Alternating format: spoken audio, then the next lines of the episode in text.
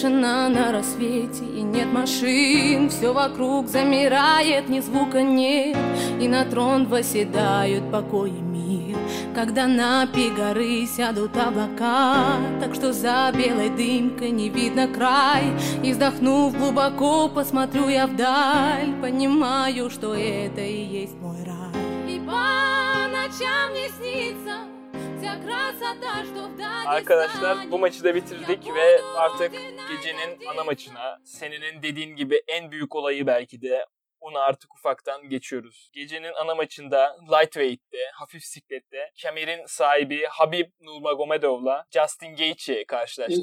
Justin Gaethje belki çok uzun zamandır Habib'in karşılaştığı en büyük rekabeti ona getirecek kişi olarak bahsediliyordu ama ne oldu? Habib Nurmagomedov her zaman olduğu gibi, her maçında yaptığı gibi rakibini domine ederek ikinci roundda bir triangle submission sonucu rakibini pes ettirdi ve galibiyete uzanan ve rekorunu 29'a 0 gibi etkileyici bir noktaya taşıyan isim oldu. Yani ne desem bilemiyorum abi. Sonrasında olan olayları da şimdiden söyleyeyim. Ee, sonra hepsini birlikte konuşalım. Hı hı. E, maçın sonunda da tabii maça yani maçın öncesinde analizini yaparken de söylemiştik hani Magomedov'un babası vefat etti bu koronadan dolayı bu süreçte onunla alakalı da eski programlarda konuştuk. Sonrasında da e, maçın sonunda emekli olduğunu ve artık dövüşmeyeceğini, bunun onun son maçı olduğunu söyledi. Dün bu programı çekiyor olsaydık çok daha farklı bir yerde olacaktık. Çünkü onunla alakalı yeni haberler gelmemişti ama herhalde sonra konuşuruz. Yok yok bu şimdi devam edelim. Çünkü bunu bunu biraz daha hani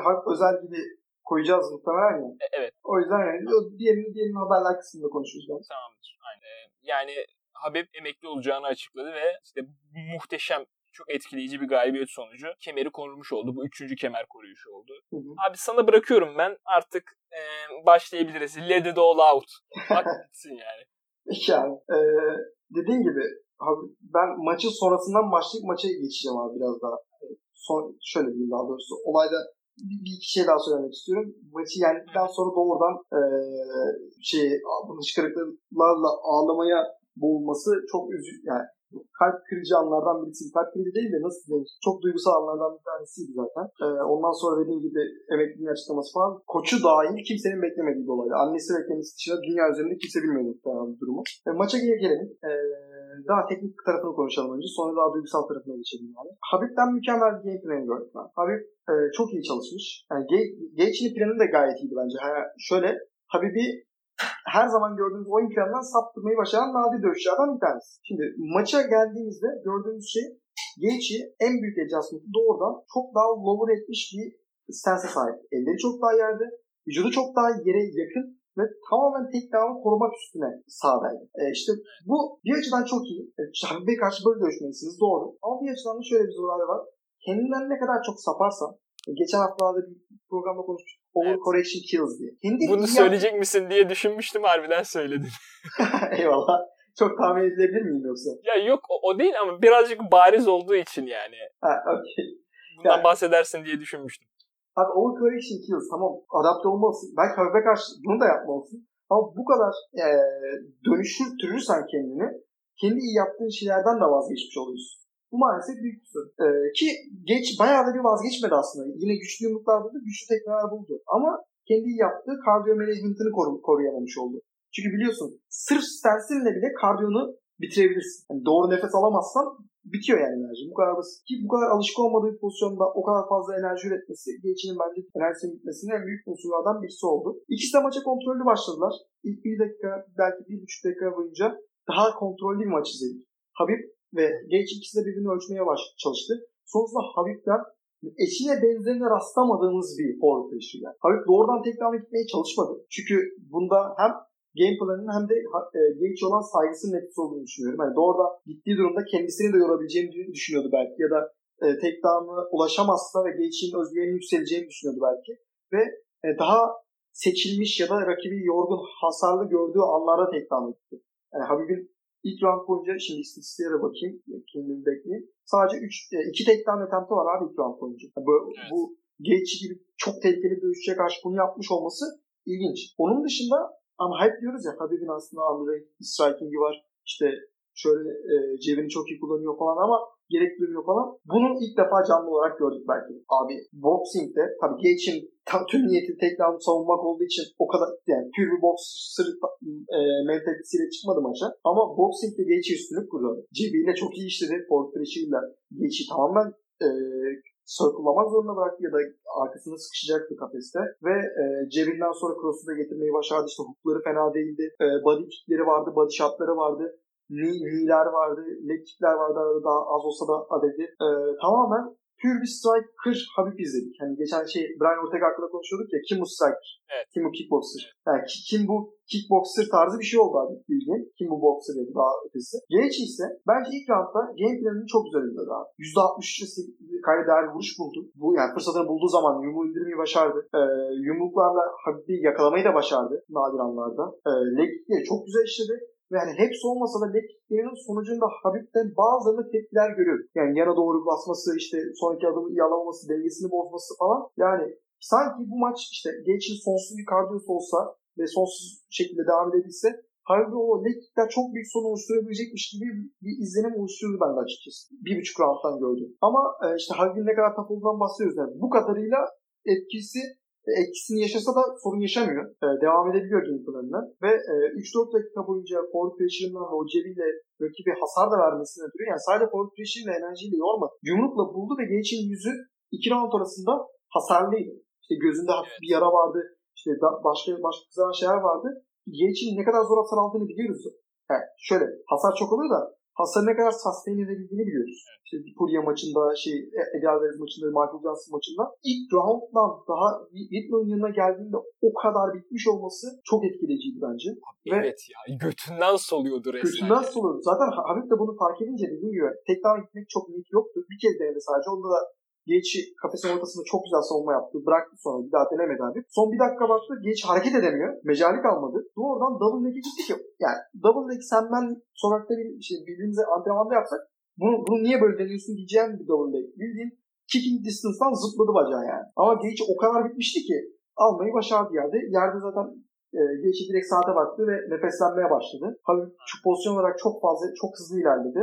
E, armbar pozisyona geldi ama süre yetmedi. Son 40 saniye olduğu için bu halin hepsi. E, Geçi hakkında en büyük soru, en büyük sorunlardan birisi değil bu maçta çok çabuk yoruldu. E, Whitman doğrudan zaten kafes e, round arasında söylediği şey Geçi'ye yavaşla. Slow it down. Slow it down'u çok yavaş şekilde söyledi. Slow it Aynen. down. Aynen. Yani, e, çok doğru yani olması gereken oydu. Çünkü Gaethje bu tane kalp atışını falan da kontrol edemedi ve tüm yumruklarına da son gücü uygulayınca tüm enerjisi bitti. Whitman da bunu fark etti yani. Ne kadar accurate olsa da lekikleri başarılı olsa da tek down'u bayağı bir savunmuş olsa da kendine bitirdi down bir de. E, bu da çok büyük soru işareti, çok büyük sorun oluşturdu. E, bir başka sorun sonrası için Gaethje'nin abi yere alınamamasını görüyoruz. İşte insanların çok fazla sahibi almanın çok zor olduğunu, kolay kolay settle edilemediğini, kontrol edilemediğini hepsini görüyoruz. Ama abi yere settle edildiğinde, kontrol edildiğinde de ne kadar kötü bir jiu suya sahip olduğunu gördük yani. yani Habib doğrudan hani Habib yeni kullanarak da değil, doğrudan pozisyon olarak ilerledi, ilerledi adam.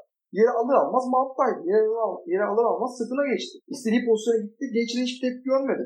Şimdi Genç de bunu kabul etti. Bunu geliştirmesi lazım. İkinci rounda geldiğimizde aynı şeyleri gördük. Genç'in birkaç tane güzel yumruğu da var. Hani böyle bir sallandı denmez de takdir etti yani o kafa hareketiyle. Vurdu dedi yani. Lekkik'e devam etti. Lekkiklerden sondan bir önceki bacağı bayağı büyük savurdu Habib'in. Ama Habib sonraki lekkiki dedi ki tamam yeter bu kadar. Güldük eğlendik dedi. Lekkik yakalayıp yere aldı. Yere aldıktan sonra doğrudan mantı çıktı. Mantı ekranda yaptığı gibi armara gidecek gibi görünüyordu. Sonra sağ bacağını geçini sol omzunun üstüne atarak triangle'a gitti. Ki UFC'de Habib hiç böyle görmedik neredeyse. Ben daha önce Habib'den triangle'ı Sherlock'ta görünce şey yazmıştım. Ee, Google'a yazıp işte Habib All Submissions tarzı Triangle nasıl yapmış acaba diye merak etmiştim. Aynı bu şekilde yapmıştı. Çünkü Triangle normalde yerdeki adamın yaptığı şey ya. Habib'in Triangle'ını gör yani listede görünce ben çok şaşırdım. Baktım ama Mount'a geçiyor abi. Aynı bu yaptığı gibi. Mount'la bir bacağı attıktan sonra kendisini aşağı alıyor ve Triangle'a gidiyor. Ve bunu kariyerinde dört defa daha yapmıştı. Beşincisini final maçında gördük ve çok da etkileyici olanı yaptı. Gage teplemesine rağmen Jason Herzog görmedi. E, dört defa tepledi yani Gage'i ve uyudu. Gage bundan çok mutsuz değildi bu durumdan. Ve Habib çok etkileyici bir galibiyet daha. Hani dediğim gibi onu zorlayabileceği düşünülen çok farklı tarzda bir dövüşçüye karşı, çok sağlam bir dövüşçüye karşı yine çok etkileyici bir galibiyet aldı. İşin duygusal kısmına geçmeden önce senin teknik hakkında yorumlarını merak ediyorum. Ondan sonra şeye geçeriz. Teşekkür ederim için. Ya abi Habib için geçen hafta dedik yani. Zaten Habib'in neredeyse hiçbir eksiği yok. Yani üstüne capitalize edebileceğin cidden çok çok az şey var ve bunların üzerinde bir somut bir verimiz yok ya. Sadece ihtimaller üzerine gidiyoruz. Evet. Yani Habib şimdiye kadar hiç e, kanamadı bir yere. O evet. yüzden hani şey olduğunu hani kanla nasıl e, baş eder? Bunun hakkında bir veri yok elimizde. O yüzden hani belki kötü yapar. Onun üstüne gidelim. Ya da işte Habib ya, şimdiye kadar... Yer alamazsa. Aynen. Aynen. İşte ne bileyim çok iyi takedown defensi olan birisiyle karşılaşmadı. Belki orada bir eksiklik yaşayabilir. Hani çok fazla takedown deneyip bunlara karşı e, o olumsuz ol, bunlar olumsuz olduğunda buna nasıl tepki verebilir? Bunun hakkında çok fazla bir veri olmadığı için belki buradan capitalize edebiliriz diyoruz. Yani bununla alakalı birkaç şey var. Cidden Habib'in abi eksiği yok ya. Yani hep ihtimaller üstünden gidiyoruz ve her seferinde adam bize haksız çıkarıyor. Yani Evet. O daha doğrusu haksız çıkarıyordan ziyade öyle bir eksiği hani o şeyi göremiyoruz abi. İhtimal düşündüğümüz ihtimallerin gerçek hayata dönüştüğünü göremiyoruz cidden. Adam evet. kanamıyor abi. Adam takedown'u istedi mi bir şekilde oraya getirip o takedown'u alıyor. Alamasa da yani.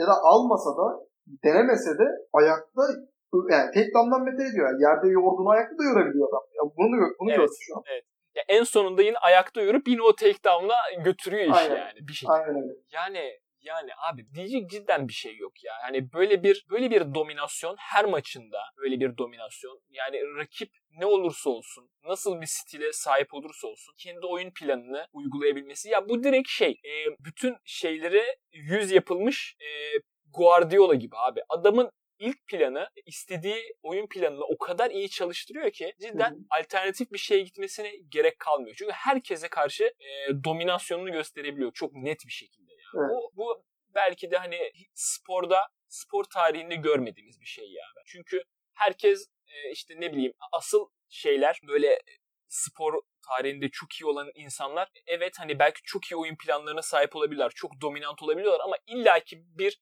e, direnişle karşılaşıyorlar ve oradaki kendilerini adjust etme güçlerinden de mesela tarihin en iyisi olma ünvanlarını Aynen. alıyorlar. Aynen. Ama Habib için e, böyle bir şeye gerek bile kalmadı abi. 29 yani, maç, 29 galibiyet. Hepsi total domination ya. Evet yani kesinlikle abi. Ee, o yüzden hani çok fazla ne denir de bilmiyorum. Yani çok fazla konuşmamız gerekiyor. Hani bıraksak zaten 2-3 saat konuşuruz. Ee, ya abi çok şeye giden hani benim e, gözüme çarpan şeylerden birisi mesela teknik açıdan.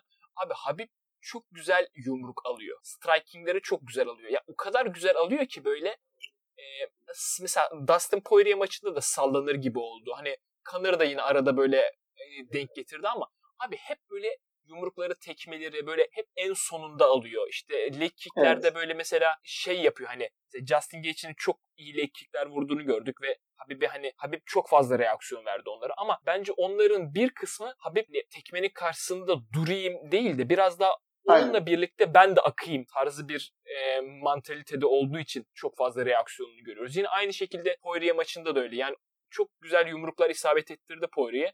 Ama biraz daha hani ben de onun gittiği yere doğru gideyim. E, işte yumruğun sonunda yumrukla karşılaşayım falan gibi mantaliteler olduğundan dolayı çok fazla reaksiyon gördük. Yani adam cidden o akışın içerisinde şey yapmayı, e, kendi yerine bulmayı rakibin silahlarına karşı çok iyi beceriyor yani. Bu müthiş bir özellik yani. Çok iyi. Çünkü böyle yapınca rakibin en büyük silahlarını direkt ekarte etmiş oluyorsun ve yani kendi oyun planını zaten inanılmaz. Hani o kadar sivrisin ki iyi olduğun yerde. Ona kimse karşı gelemiyor. Bu oyun planını destekleyecek kardiyoya da sahipsin. Tecrübeye zaten sahipsin. Yani cidden yenilmen için bir alan kalmıyor yani. Her şeyde üstünlük sağlıyor. Bütün e, oyun planı senin o asıl sivri olduğun yeri e, daha fazla böyle ortaya çıkarmayla e, örülmüş yani. Striking'in öyle, işte kardiyon öyle.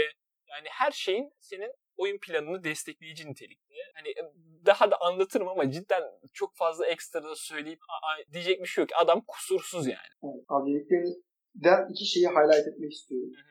Bir tanesi şu ana kadar spor tarihinde gördüğümüz tüm goldlar, tüm en iyiler, tüm işte mükemmel insanlar hep bir direnişle karşılaştı dediğim gibi. Ve o direnişi nasıl karşıladıkları, o direnişi nasıl e, overcome ettikleri, üstesinden geldikleriyle efsane oldular, kazandılar.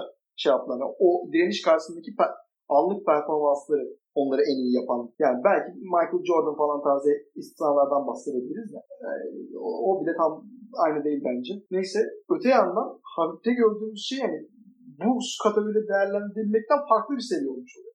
Çünkü adam o karşıdan o direnişin gelmesini sağlamayacak kadar.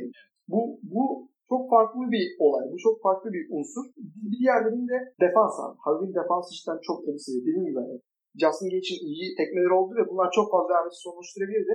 Ama Justin Gage'in şimdi açalım istatistiklere bakalım. Kaç tane e, şeyi vardı bu maçta hemen kontrol ediyorum. 15 tane leg kick'i var. 15 tanesi de bulmuş. 15 tane leg Justin Gage'den alan bir adam sakat kalır. Çok iyi. Şimdi Habib'in dediğin gibi bacağını akışla beraber sağa doğru uzatıp ya da işte diğer tarafa geliyorsun tekme sola doğru uzatıp o tekmenin ana hasarının patlayıcı noktasına değil de daha ileriki noktada hasarı alma girişimi bu sadece yumruk şeyde de değil, tekmede değil, yumrukta da. Yani görüyorsunuz zaten. Yumruk geldiği zaman Habib kafasını vücuduna yumrukla beraber bir miktar daha hareket ettiriyor. Yumruğun patlama noktasından ötede alsın. Bu, bu çok üstün seviye bir striking defansı gösteriyor. E bunu şu e, herkes grappling'ini, kardiyosunu işte ne bileyim cebini falan konuşuyor o yüzden farkında değil ama bu çok ayrı bir seviye. Bunu böyle bu şekilde yumruklara alabilmek farklı bir olay ve e, laf var ya görmediğin yumruk seni indiriyor. Abi o yumruğu görüp etkisini azalttığı için zaten indiriyor. Yoksa Gage'in bu maçta vurduğu yumruk ilk, özellikle ilk roundda abi 10 tane head strike vurmuş Gage'i. Bunların 10'u da full kuvvet savurduğu yumruklar zaten. Gage full kuvvet dışında yumruk vurmadı ki. Ama bir şekilde almayı başardı. Bir şekilde almayı başardı. Şimdi defansın bu kadar iyiyse ve ofansta da mükemmel bir silah sahipsen ve bunları consistent şekilde 25 dakika boyunca yapabiliyorsan abi yenilmiyorsun. Yani, yani yenilemiyorsun. Teknik olarak yenilemiyorsun. Ben açıkçası ayakta kaldığı durumda Gage'in ne yapabileceğini çok merak ediyordum. Ama yani, şeyden dolayı mutluyum. Çok küçük bir not eklemiştik. Yani ayakta cidden çok büyük soru işareti. Gage üstü çıkabilir. İşte Habib de Andre estimate etmemek lazım ama Gage sonuçta daha iyi bir striker. Ama tek bir unsur var demiştik hatırlıyorsun. Gage'i neden grappling etmek istemiyor? Çünkü enerjisinin bitmesinden çekiniyor. Enerjisinin bitmesini istemiyor. Bunu kendisi söyledi. Abi işte tam olarak bunu gördüm. Gage evet strike'de sabaha kadar strike edebilecek, hasar alabilecek bir adam. Ama o odağa grappling'e kaydığında o nefes almasını lower stance'de düzenleyemediğinde ne kadar enerjisinin çabuk bittiğini görüyor. Gage hakkında en büyük soru işaretlerinden birisi oldu bu. Ama yani Habib kadar bunu uygulayabilecek bir adam var mı karşısında bilmiyorum. Peki sence maçtan sonra Tony Ferguson şey demiş midir? Gage'i ne kadar kolay submit ettiğini gördükten sonra Ulan ben de keşke deneseydim yer almayı demiş midir? Ya bilmiyorum dedim demiştir abi herhalde. Çünkü hani orada mesela biraz da Tony Ferguson'ın e, pozisyonel avantajı da olur. Hani Tony Ferguson sırt üstü çok şey e, çok silik yani. Hep tabii, tabii. Hani orada mesela Justin Gage cidden roundlar ilerledikçe yani ne olursa olsun kardiyon ne kadar dayanırsa dayansın hani düşünce olarak biraz daha geriliyorsun. IQ düşüyor tabii, yani abi tabii. roundlar gelişti. O yüzden hani belki Justin'i işte daha üstte kalmasına ikna edip kendisi alttayken bir grappling maçına dönüştürseydi belki oradan bir submission bulabilirdi cidden yani. Evet. Bunu illaki düşünmüştür maçtan sonra. Ben evet. katılıyorum sana yani. Ama olmadı ve e, oldu. olmadı yapacak bir şey yok. Yani bu maç için ya da Habib'in teknik performansı üstüne daha fazla aklıma notlarıma bakıyorum şu anda. Ben bir şey söyleyeyim mi? Ben Hı-hı. bir argüman sunacağım. Ee, bir MMA maçında hani takedown'un işte grappling'in içinde olduğu bir maçta Habib abi bence herkesi yani herkes olmasa bile hani çoğu insanı striking'de yenebilir. Nasıl argüman? Hani takedown hmm.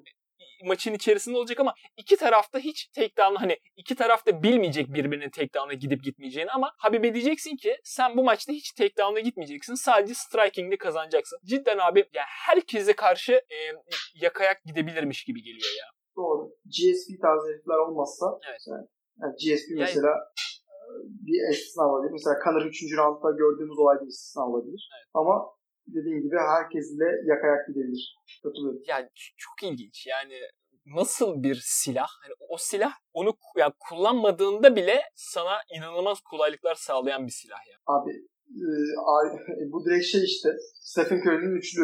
Evet. Ya orada var diye tüm takım oraya yığılmak zorunda. Ve tüm Aynen. geri kalan tüm takım arkadaşlarının boşluk açıyor. Stephen Curry'nin üçlü. Doğrudan. Kaan Kural ne diyor? Nükleer silah. NBA tarihinin en aynen nükleer NBA tarihinin en büyük tekil tehdidi abi. Aynen, aynen. İşte bu da MMA tarihinin en büyük tekil tehdidi. Habib tek Evet. Gerçi şey de var. Francis Ngannou'nun knockout da var da şimdi o da farklı bir tehdit. Evet. Onun için çok fazla şeye sahip değiliz yani. Son, Don, Dona'ya sahip değiliz. maç Evet. falan oldu yani. Evet, Evet, evet. Göreceğiz ileride bakalım. E, ya Abi, ben başka ne söyleyebilirim? Cebi, cebi çok etkileyiciydi kesinlikle. Ben cebinde geç oluşturduğu o hasar etkileyiciydi. Onun dışında şu anda e, bir şey söylemeyeceğim. Biraz daha duygusal kısmı ve tartışmalara geçelim bence. Senin de aklında bir şey yoksa teknik olarak bu maç özelinde.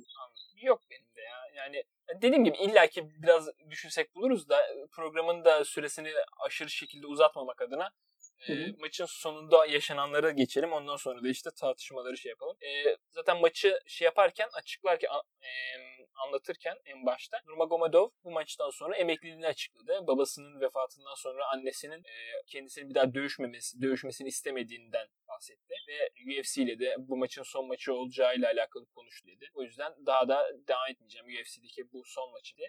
UFC'ye haber bunu- vermiş mi bunu? Bunu kaçırdım. UFC'ye haber vermiş mi bu durumu? Son maç olacağını. Ha, yok yok yok. Ha öyle anladım benim dediğimden de. Ha, yok yok şey e, UFC ile konuşuyor. Hani bu maçı oynayacağım hani okey Ha, hani. Gaethje ile Okey. yapacağım diyor ama işte sonradan açıklıyor yani işte maçın Evet. sonunda şeyini. Tabii hani maçın hemen sonunda maç biter bitmez yere kapaklanıp ağlaması tabii hani, Evet. hani Habib'den hiç görmeyi beklemediğimiz bir şey ama Hiç gerçekten duygu görmedik doğru. Evet. Daha önce. hiç duygu görmedik. Cidden inanılmaz ya. E, bence abi hani yani mükemmel teknik açıdan düşündüğünde inanılmaz bir galibiyet tamam mı? Yani Hı hı. yani Gaethje'ye karşı yapabileceğin en güzel oyun planıyla çıkıyorsun. Onu çok iyi şekilde uyguluyorsun ama ya bu kadar etkileyici bir galibiyetin üstüne abi her şey o kadar birikiyor ki ya etkileyiciliği her duyduğumuz şeyle, her gördüğümüz şeyle kat be kat artıyor ya. Şimdi mesela şunu deseler Habib bir sosyopat deseler tamam mı? Hiçbir duygusu yok deseler inanırsın mesela. Hı hı. Ve e, ve hani cidden gördüğün şey de o. Hani bu kadar uzun yıllardır doğru düzgün kanadığını görmüyorsun. Hiçbir e, duygu şey yaptığını görmüyorsun. Kanır maçı dışında adamın duygu, yani öfke duygusu dışında, Kanır maçında sergili öfke duygusu dışında hiçbir duygusunu görmedik işte. Aynen öyle.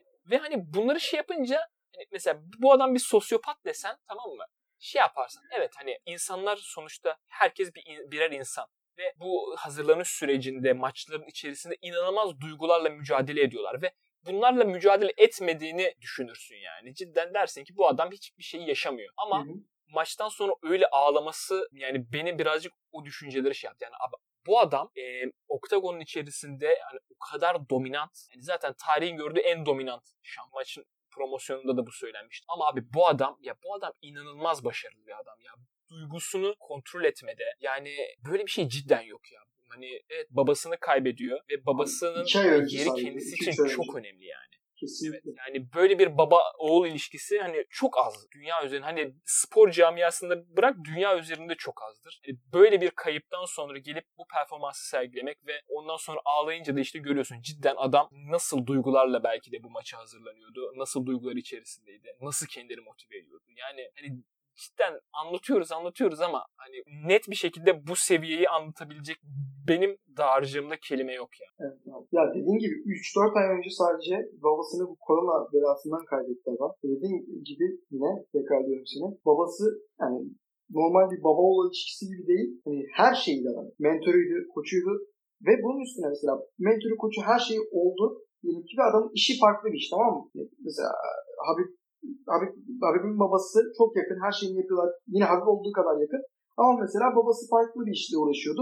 Kendi farklı bir işle uğraşıyordu diyelim tamam mı? O zaman bu maç bu maç hazırlığı falan o stresi atmasına yardımcı olabilecek bir şey. Ama şu anda Habib bu maça hazırlanırken her yaptığı antrenmanda, her yaptığı yumrukta, belki her savurduğu yumrukta o peri tutan babası aklına geliyor. Yani insan psikolojisi olarak böyle olması gerekiyor. Ki zaten gördük bunu sonundaki alışta. Yani adam 3-4 ay boyunca ne yaparsa yapsın babası aklına gelecek bir iş yaptı. Yani acısı gitgide daha da derinleşti, tuz basıldı yani yaptığı her şeyde acısına. Ve ona rağmen geldi bunu yaptı. Ona rağmenleri ekstra eklemek için abi Dana White'in açıklamasını gördüm.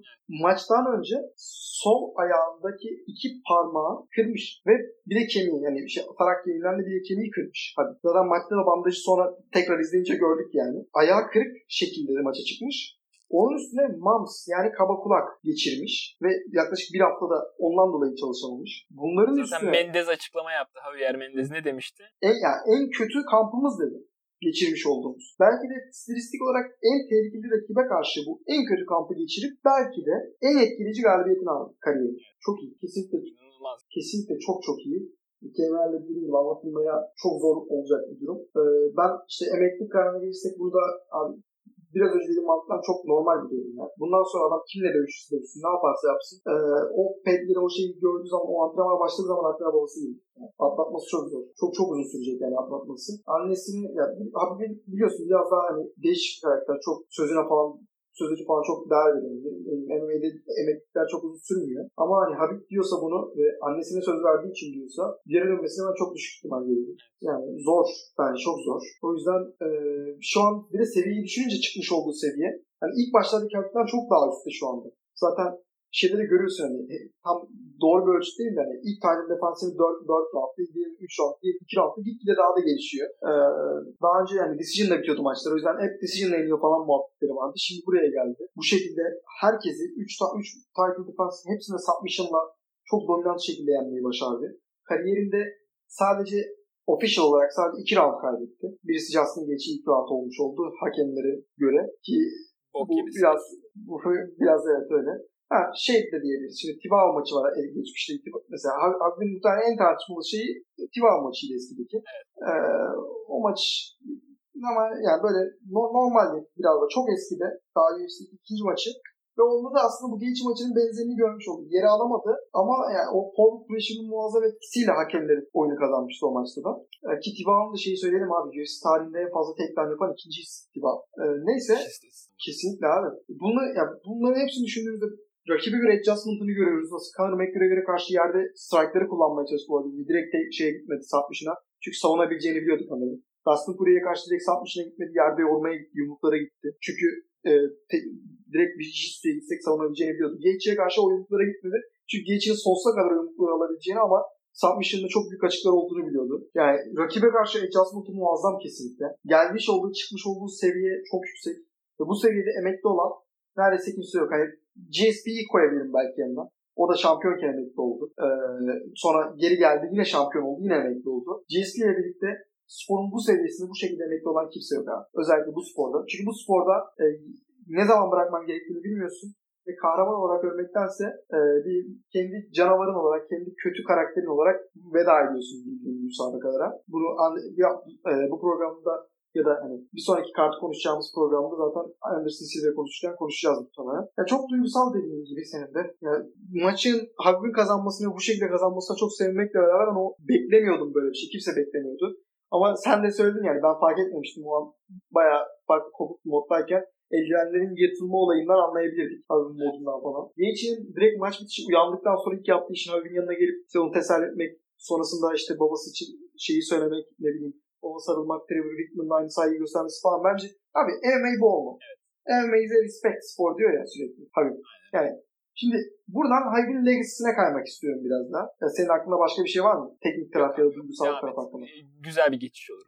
Aynen. Şimdi Habib'in teknik olarak ne kadar başarılı olduğunu, 29'a 0'lık bir skora sahip olduğunu, işte kimsenin e, ona karşı denemediğini, round vermediğini, dakika dakika ayırsak dakika kaybetmemiş bile olabileceğini, hani çok az dakika kaybedilen bir adam olduğunu farkındayız. Tamam mı? Ama Habib'in spora getirisi bunların hepsinden daha fazla. Şimdi mantık olarak yani DC de diyor ya bu adam geldiğinde Dağıstan denen bir yerden yani kimsenin haritada nerede olduğunu bilmediği bir yerden İngilizce bilmeyen bir çocuk olarak gelmiş. Tamam duygusallaştırmak istemiyorum bu olayı da şey yapayım yani. Neredeyse hiçbir taban olmadan gelmiş bir adam. Yani hiçbir saygı duyulmuyor, ne yap, şey yapılmıyor. İlk, ilk maçlarında çıkıyor, yeniliyor, yeniliyor falan. Yeniliyor da. Klasik tabir olduğu için yeniyor, yeniyor, yeniyor. Ama herkes diyor bu adam decision'la yeniyor. Ne var bunda işte sıkıcı, çok sıkıcı. Dövüşmek bu değil. İşte milletin kasına yapışmayı seviyor sadece falan böyle böyle şeyler söylüyor. Her defasında işte şu bunu yenecek işte. Dos Anjos bunu yenecek çünkü onun jitsusu var işte böyle sağlam şey falan onu yeniyor. Michael Johnson diyor eski güreşçi yenecek yok. Anderson Barbossa'nın tekmeleri muazzam yenecek olmuyor. Alia Quinta işte college wrestling background var olmuyor. Conor McGregor deniyor. Poirier'in jitsusu deniyor. Gaethje deniyor. Ne denirse denirsin hepsinin üstüne çıkıp hep daha iyi bir performans sergilemeyi başarıyor. Ve bunları yaparken kendini satmak gibi bir uğraşı yok. Adam sadece çıkıp performansını koymaya ve karşıdakine saygı duymaya, karşıdakine de saygı görmeye oynuyor. Kendisine işte Conor McGregor'ın yaptığı gibi çok yüksek şekilde pressure uygulandığında bile e, kendini kompoz şekilde tutmayı başarıyor, maçı çıkmayı başarıyor. E, maçta aynı galibiyetini almayı başarıyor bozulmadan. Sonrasında yaptığı olay muhtemelen kariyerindeki en büyük leke zaten. Ee, bunlarla beraber hani son iki maçında görüyorsun falan onun ilk başta düşmanı olan işte bu böyle sevmeyen falan filan pür Conor McGregor fanları hariç. Yani onlar çünkü tek yönlü. Aynı şekilde Khabib fanları da var. O da maalesef böyle yapacak bir şey yok onlara. Ama böyle azıcık rasyonelistini kullanabilen herhangi bir insan tarafından e, sadece decision machine falan tarafı değil görülürken şu anda tamamen yeteneğiyle bir yere gelmiş, saygıyı önemli bir faktör olarak ortaya koymuş ve MMA'de e, respect'in önemini kat ve kat ispatlamış bir adam olarak spora veda ediyor. Yani bu respect'i çok güzel ispatladı tamam mı? MMA respect spor oldu. Trash talk, dizinin adı trash talking spor, dizide respect spor. Yani Habib'in en önemli kodlarından birisi bence bu. Yani olayda e, bu MMA'de ne kadar dövüşüyor olsam da olayın saygıdan geçtiğini e, çok güzel gösterdi. Geç ile maç sonunda olan anları ben çok duygusaldı. Geçi, Geçi de çok büyük adamdır ha. Evet. Çok, çok çok doğru, çok sempatik, çok iyi adamdır. Sonunda sonunda en sonunda Connor'ın Habib'e işte işte güzel galibiyet işte baban için e, e, ne derler onu? Konsolidasız. Üzgünüm yani baban için. Yani baba, başın sağ olsun. Kaybedecek, yani başın sağ olsun diye, başın sağ olsun diye iletiyorum. Ben devam edeceğim senin bıraktığın yerden gibi böyle daha barışçıl bir ifadede bulunması bile bu adamın geldiği, spora getirdiği seviyeyi gösteriyor. Öte yandan Şimdi Legacy'ye geçersek. Bu yaptıklarını gördük.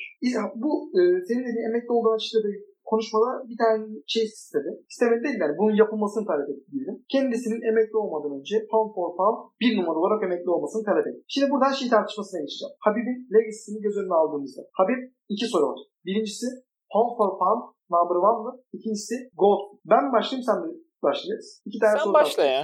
Ben uzun süredir konuşuyorum. Sen başla. Ben şey yapayım sonra. Senin görüşünü merak ediyorum bu konuda. Ya şimdi pound for pound number one olayı için öncelikle konuşacağım. Hı hı. Yani o, o bir kere zaten hani kesinlikle olması gereken bir şey. Anlıyor musun? Hı hı. Çünkü e, zaten yukarılardasın. Şimdi burada düşünülmesi gereken şey hani hep son maça göre ayarlanıyor ya pound for pound number one. Tabii. Yani o yüzden üstünde olan kişi John Jones. John Jones bayağıdır maç yapmamış. Son yaptığı maç inanılmaz tartışmalı ve hani Habib geliyorsun inanılmaz stacked yani tarihin en stacked e, sikletinde sana en ters gelebileceğini düşün, en ters gelebileceği düşünülen rakibe karşı böyle bir performans sergileyip galibiyet alıyorsun. Ya bence bunun tartışması bile yok. Yani şu anda pound for pound number one kesinlikle. Hı hı. Bunun bir tartışması yok. Bu kısa bir şekilde ben şey yapayım. O zaman ben de bunu, ben de bu pound for pound hakkında görüşümü söyleyeyim çünkü bunun çok tartışması olmayacak bence de.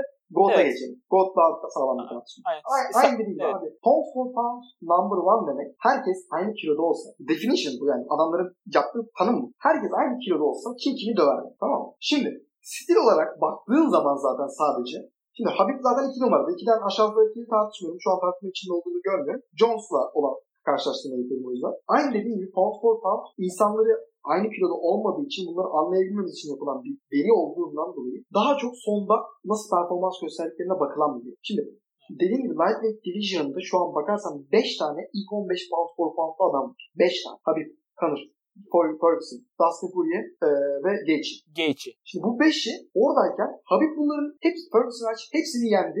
Sonuç maçı bu üçü ve bu son yendiği adamlar hala ilk 15'te ve hepsini bitirerek yani. Öte taraftan Johnson yaptığı olay Şimdi Johnson önceki işte Shogun'un yenmesinin ne bileyim DC yenmesinin 15 tane title fight kazanmasının burada bir önemi yok pound for pound. Çünkü bunların hepsini atıyorum DJ yaparken de kendi sikletindeki adamlar daha kötü olduğu için o kadar yüksek yani birinci oldu bir noktada ama çıkarılması çok uzun sürmüştü. Ee, en prime'ındayken.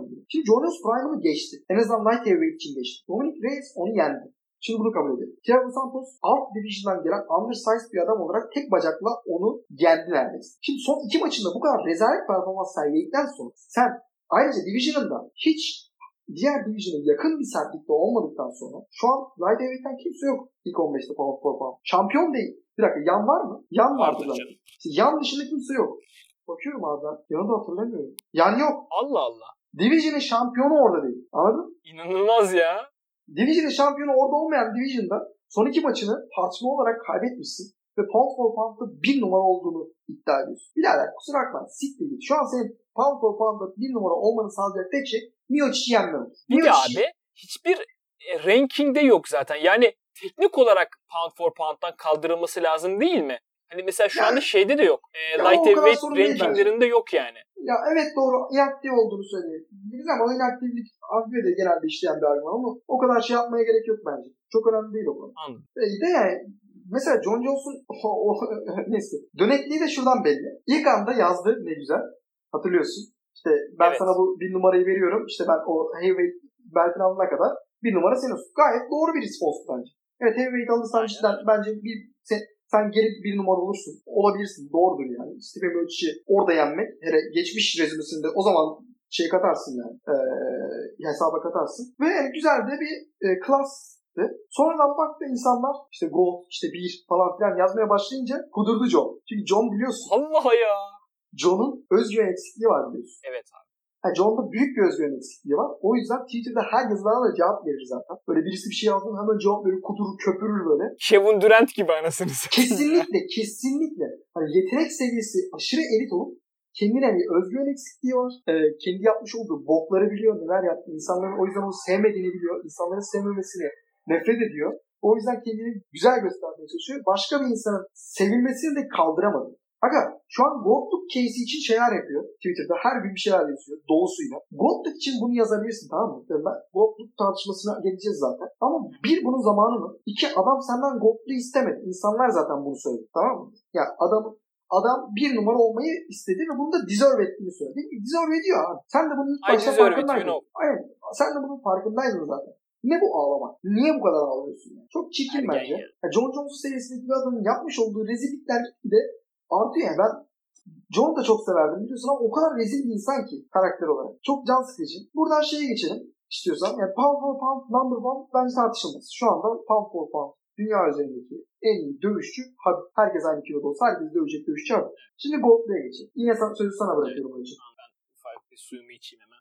O zaman ben bir girizgah yapayım sen suyunu içerken. Yap. çok, farklı, çok farklı bir tartışma. Greatest of Evet. all time. Şimdi bunu belirlemek o kadar zor ki. Çünkü bu adamlar hani mesela Formula 1'de olsun, futbolda başka bir şeyde yine belirlemek farklı dönemlerde dövüşmelerine rağmen mümkün. Çünkü öyle ya da böyle aynı şeyi yapıyorlar. Ama burada division farklılığı da var ya. Ne kadar farklı bir competition'a gittiğini, ne yaptığını falan bilmiyorsun. O yüzden bazı kurallar getirmeyi, bazı şeyler adapte etmeye çalışıyorsun. Ee, o yüzden çok farklılaşıyor bu durum. Mesela boksta da aynısı. Çok fazla step var. Kim en iyi tartışması zor yani. Hani orada Ali gibi bir herif var da ondan dolayı en azından diyebiliyoruz orada. Ki tane tarihin en iyi sporcusu. İyi, o, içeride ve dışarıda.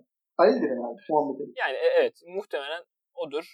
Değilse bile en yukarı yani 1 2 3 ilk Evet, üçtedir yani çok. Yani Türk Türk performansla Phelps falan olabilir. Yoksa hani içeride dışarıda sembolize ettiği şey de muhtemelen şey Ali'dir. Ya bir de Ee, boksta hani çok fazla ağır siklet ön planda olduğu için hani Evet. orada goldluk tartışmasında biraz daha hani mesela Floyd Mayweather bu performansı heavyweight'te 50'ye 0 yapmış olsa şey Tartışması olmazdı belki evet. Evet, evet, evet. Ya ama mesela MMA'de heavyweight mesela Fedor dışında öyle Fedor ve Miocic dışında sırıtan kimse yok neredeyse anladın mı? Evet. Pure heavyweight. Stipe işte bakalım göreceğiz İşte ne olacak. Miocic ve Fedor. Ee, onun dışında Gold'luk denilince o yüzden belli bir liste geliyor aklıma. Ben şeyi tamamen okuyayım. Bir liste verip Gold sunmamak bence mantıklı bir olur. Ama illa Gold sıralaması yapılacaksa bir şey olacak. Ben sana bir liste vereyim. Aklından farklı birisi gelirse sen bana söyle. Listeyi veriyorum.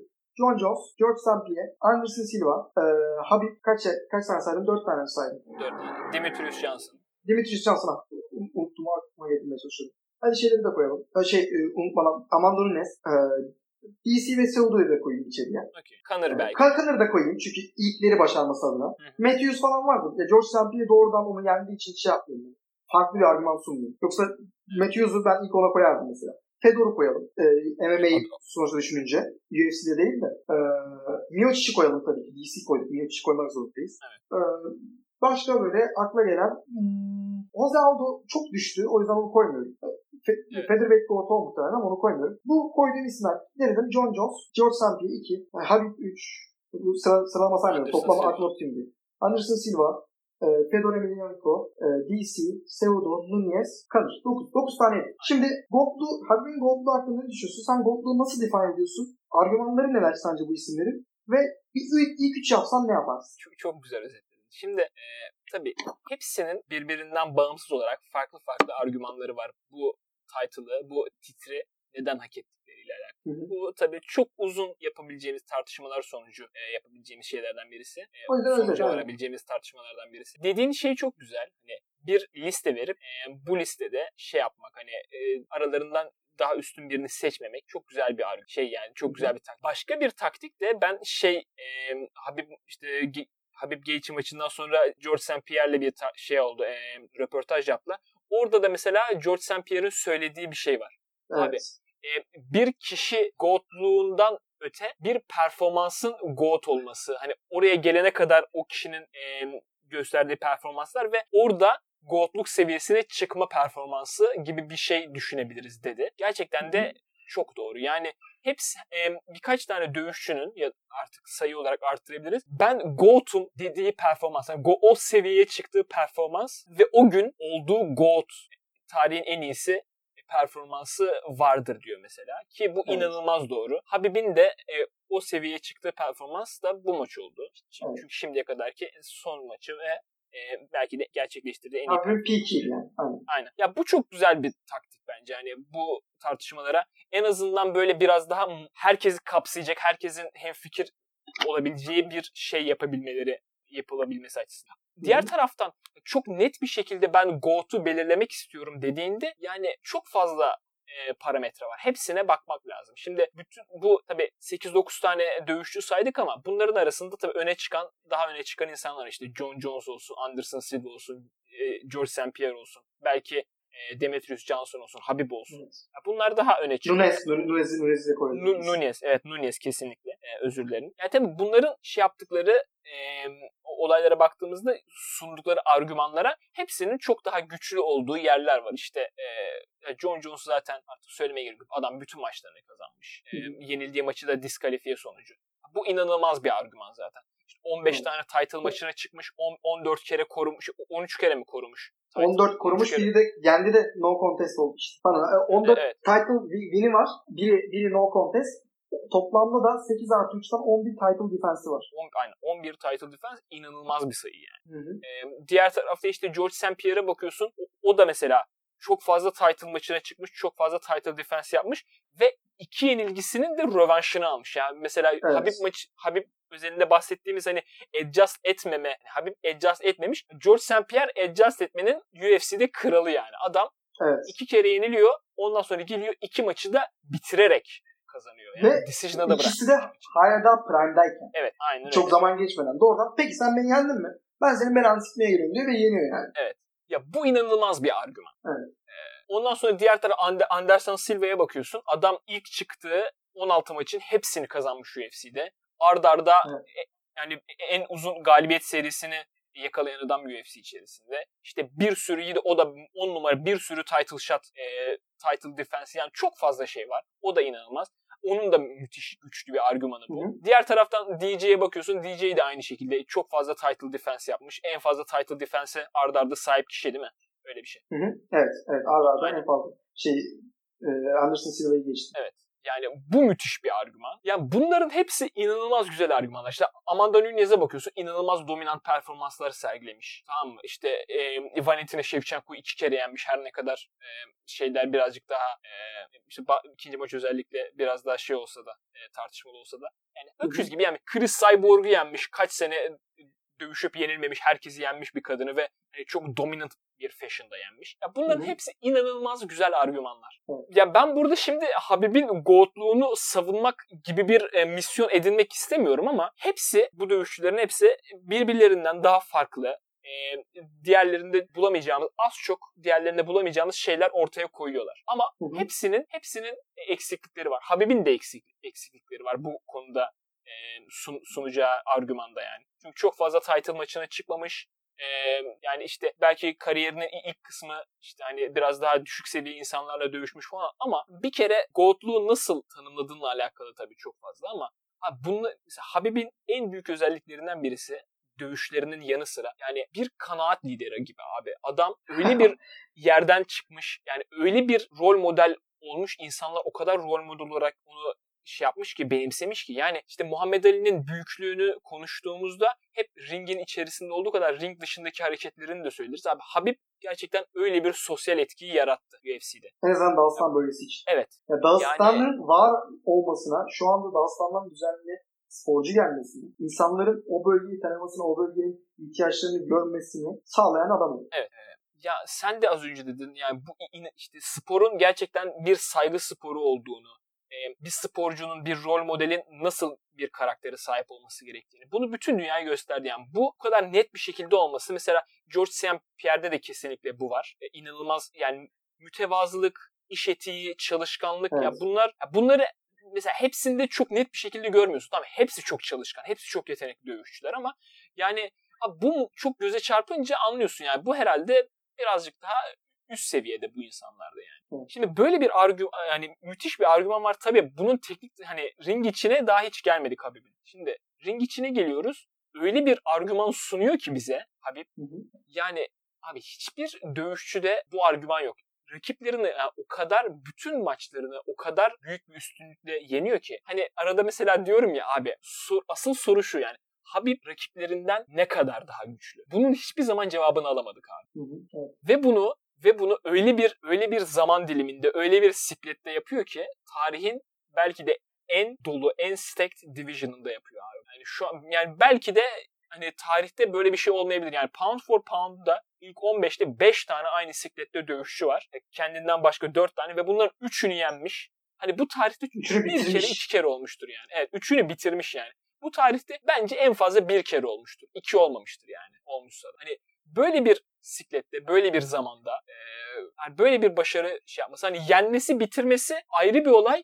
Yani tavanını gör, göremememiz yani. Bu, bu bilmiyorum abi. Bu ileride bile hani bir argüman olarak hiçbir dövüşçü için kullanılabilecek mi bu kadar üstün bir performans? Bu kadar rakiplerinden çok daha üst düzeyde olma? Ben emin değilim. Yani e, tabii ki işte eksiklikler dediğimiz gibi yani John Jones'un bahsettiği şeyler goatluk tartışmasında senin de dediğin gibi çok valid. Ee, ama işte bu- goatluk tartışmasında hiç kimse muhteşem değil. Herkesin avantajları, dezavantajları var. Ben Habib'i birinci bir numaraya koyar mıyım? Yani muhtemelen koymam. Çok seviyorum, İlk çok sempati duyuyorum. İlk, ilk üç ya da ilk beşini saysana. Hangisini ister? Şey gibi. John Wick ve DC ve şeyin sunduğu gibi. Michael Chiesa.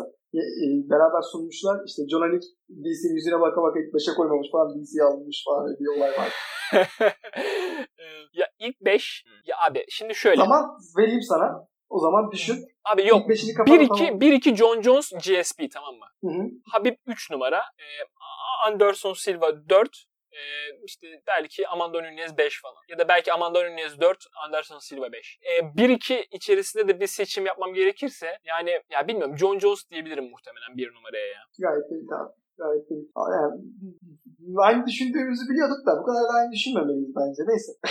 Ya abi John Jones'u yani hiç sevmiyorum. Şerefsizin teki. Tamam mı? Evet. Yani ya, ring dışında hani Habib için Habib'in şeyinde avantajında kullandığımız argümanların hiçbirine sahip değil. Hı hı. Adam kaç kere doping yapmış, kaç kere e, bir olaya karışmış, hit and run'ı var, işte driving under influence var. Yani bir sürü conviction'ı var adamın. Hı hı. Ama işte yani Hiding Under the Cage var abi. Bundan daha ötesi mi var? Evet ama adam öyle bir şey ortaya getiriyor ki ring içinde yaptıkları e, son iki maçı şey olsa bile e, tartışmalı olsa bile rakip belki de kazandı diye desek bile yani ortaya koyduğu şeyler kaç senedir bunu yapıyor ve kaç yaşında abi adam şu anda o- 31-32 yaşında yani. Yani 33 Hala olması. önünde belki o- 33 mü? Tamam yani işte hala böyle birkaç senesi genç. daha olabilir yani ile- ileride. Ne birkaç abi? Bundan- Daha 4-5 sene daha devam edebilir. Evet. Yani çok erken başlaması tabii onun biraz daha erken yıpranmasına neden olabilir ama e, edebilir yani.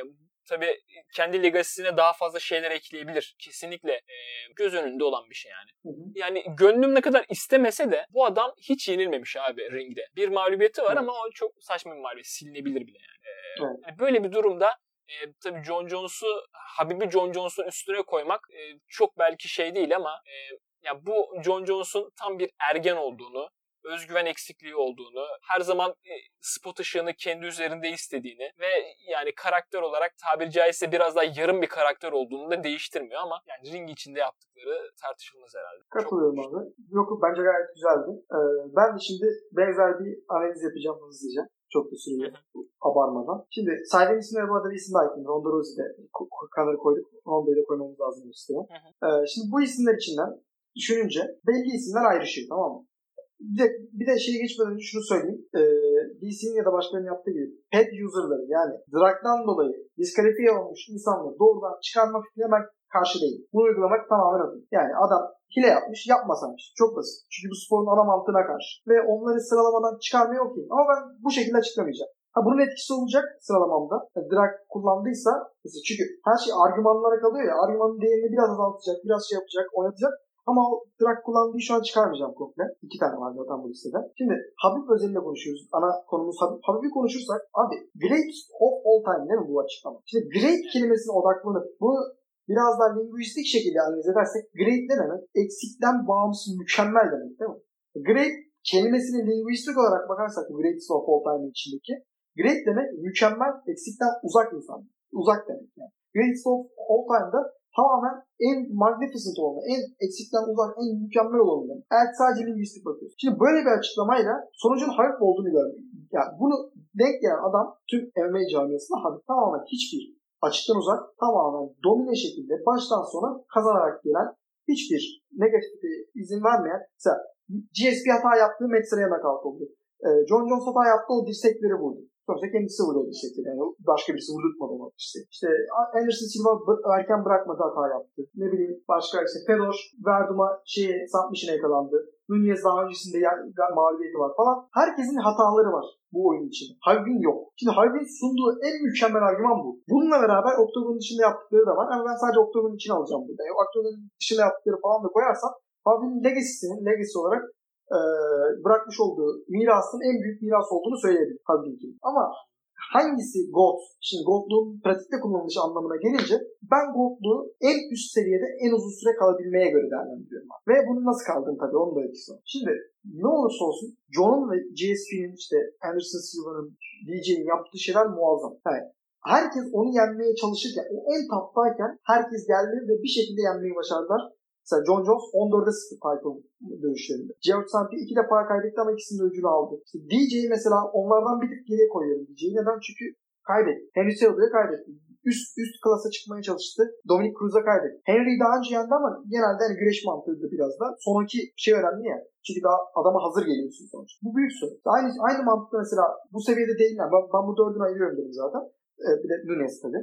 Nunez'de ka- kaç title defense oldu Nunez? Onu açmamışım. 8 falan herhalde. 8 title fight galibiyeti var. 7 herhalde. Ha, bir tane de Chris Cyborg aldı var. 6 title defense var. Şey 2, 2 division'da. Hala 2 division'da şampiyonu. Bu kadar uzun tutan yok 2 division'da var mesela. Önce eliminasyonları yapayım. Connor'ın yaptığı çok büyük olaydır. Sporu zaten marketing anlamında seviye atlattı. Sporun ilk double şampiyonu. Çok invincible şekilde geldi oraya. Ama Gold'luk tartışmasında yer olacak olay değil bence bu. Onu çıkardım. Benzer şekilde Ronda Rousey'i çıkardım.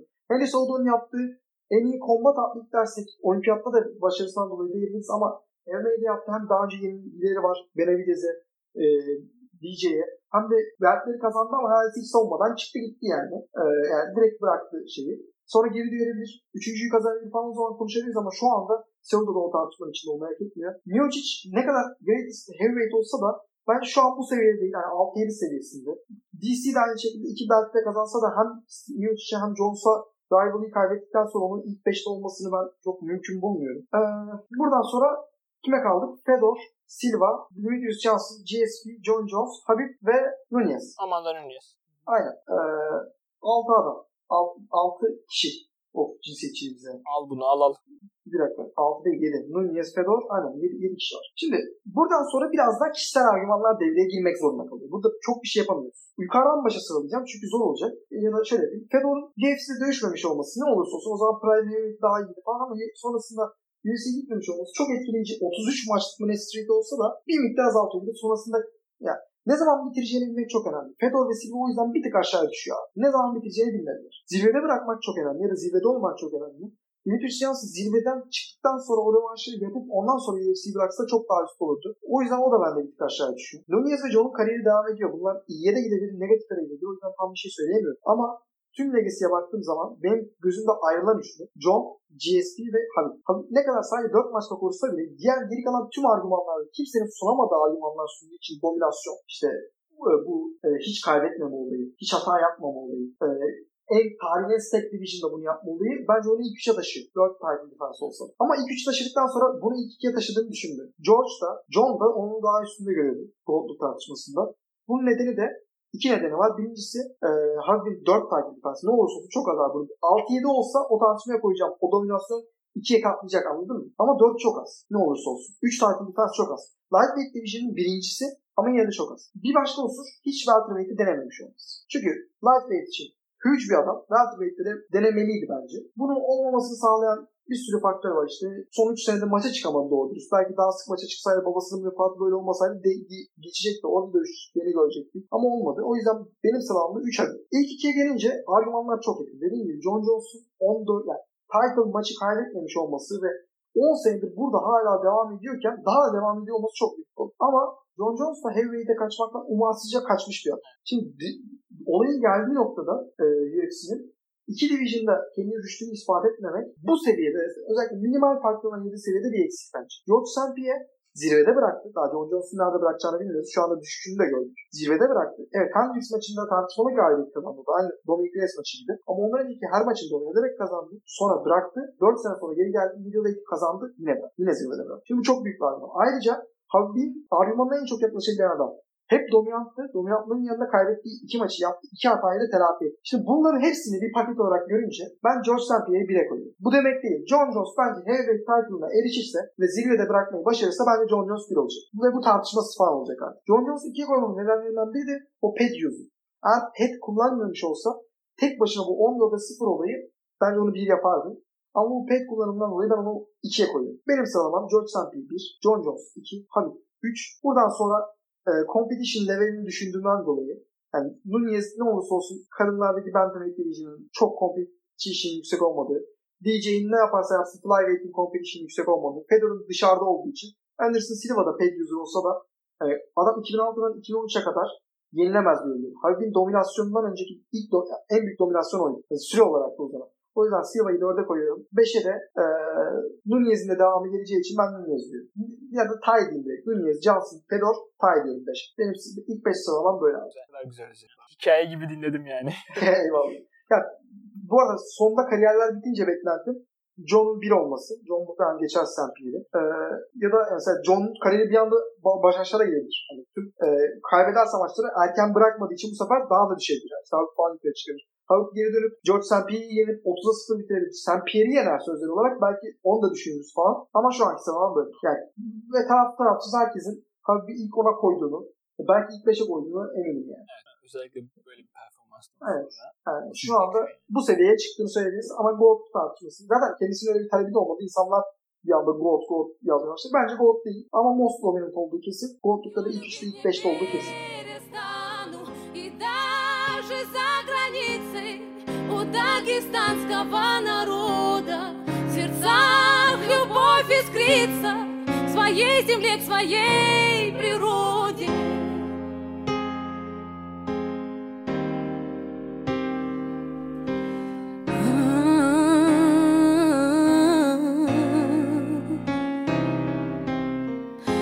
солнце стоит прямо над головой, наполняя цветы и даря тепло. Громкий гул принесется за детворой, ветром с моря гонимой назад домой. А потом уже ночь примет свой черед, блеск звезды вдалеке ослепит глаза. И когда сонный город опять уснет, понимаю, что это и есть мой рай. И по ночам не снится Вся красота, что в Дагестане Я буду родиной гордиться. Ее любить не перестану. И даже за границей У дагестанского народа В сердцах любовь искрится своей земле, к своей природе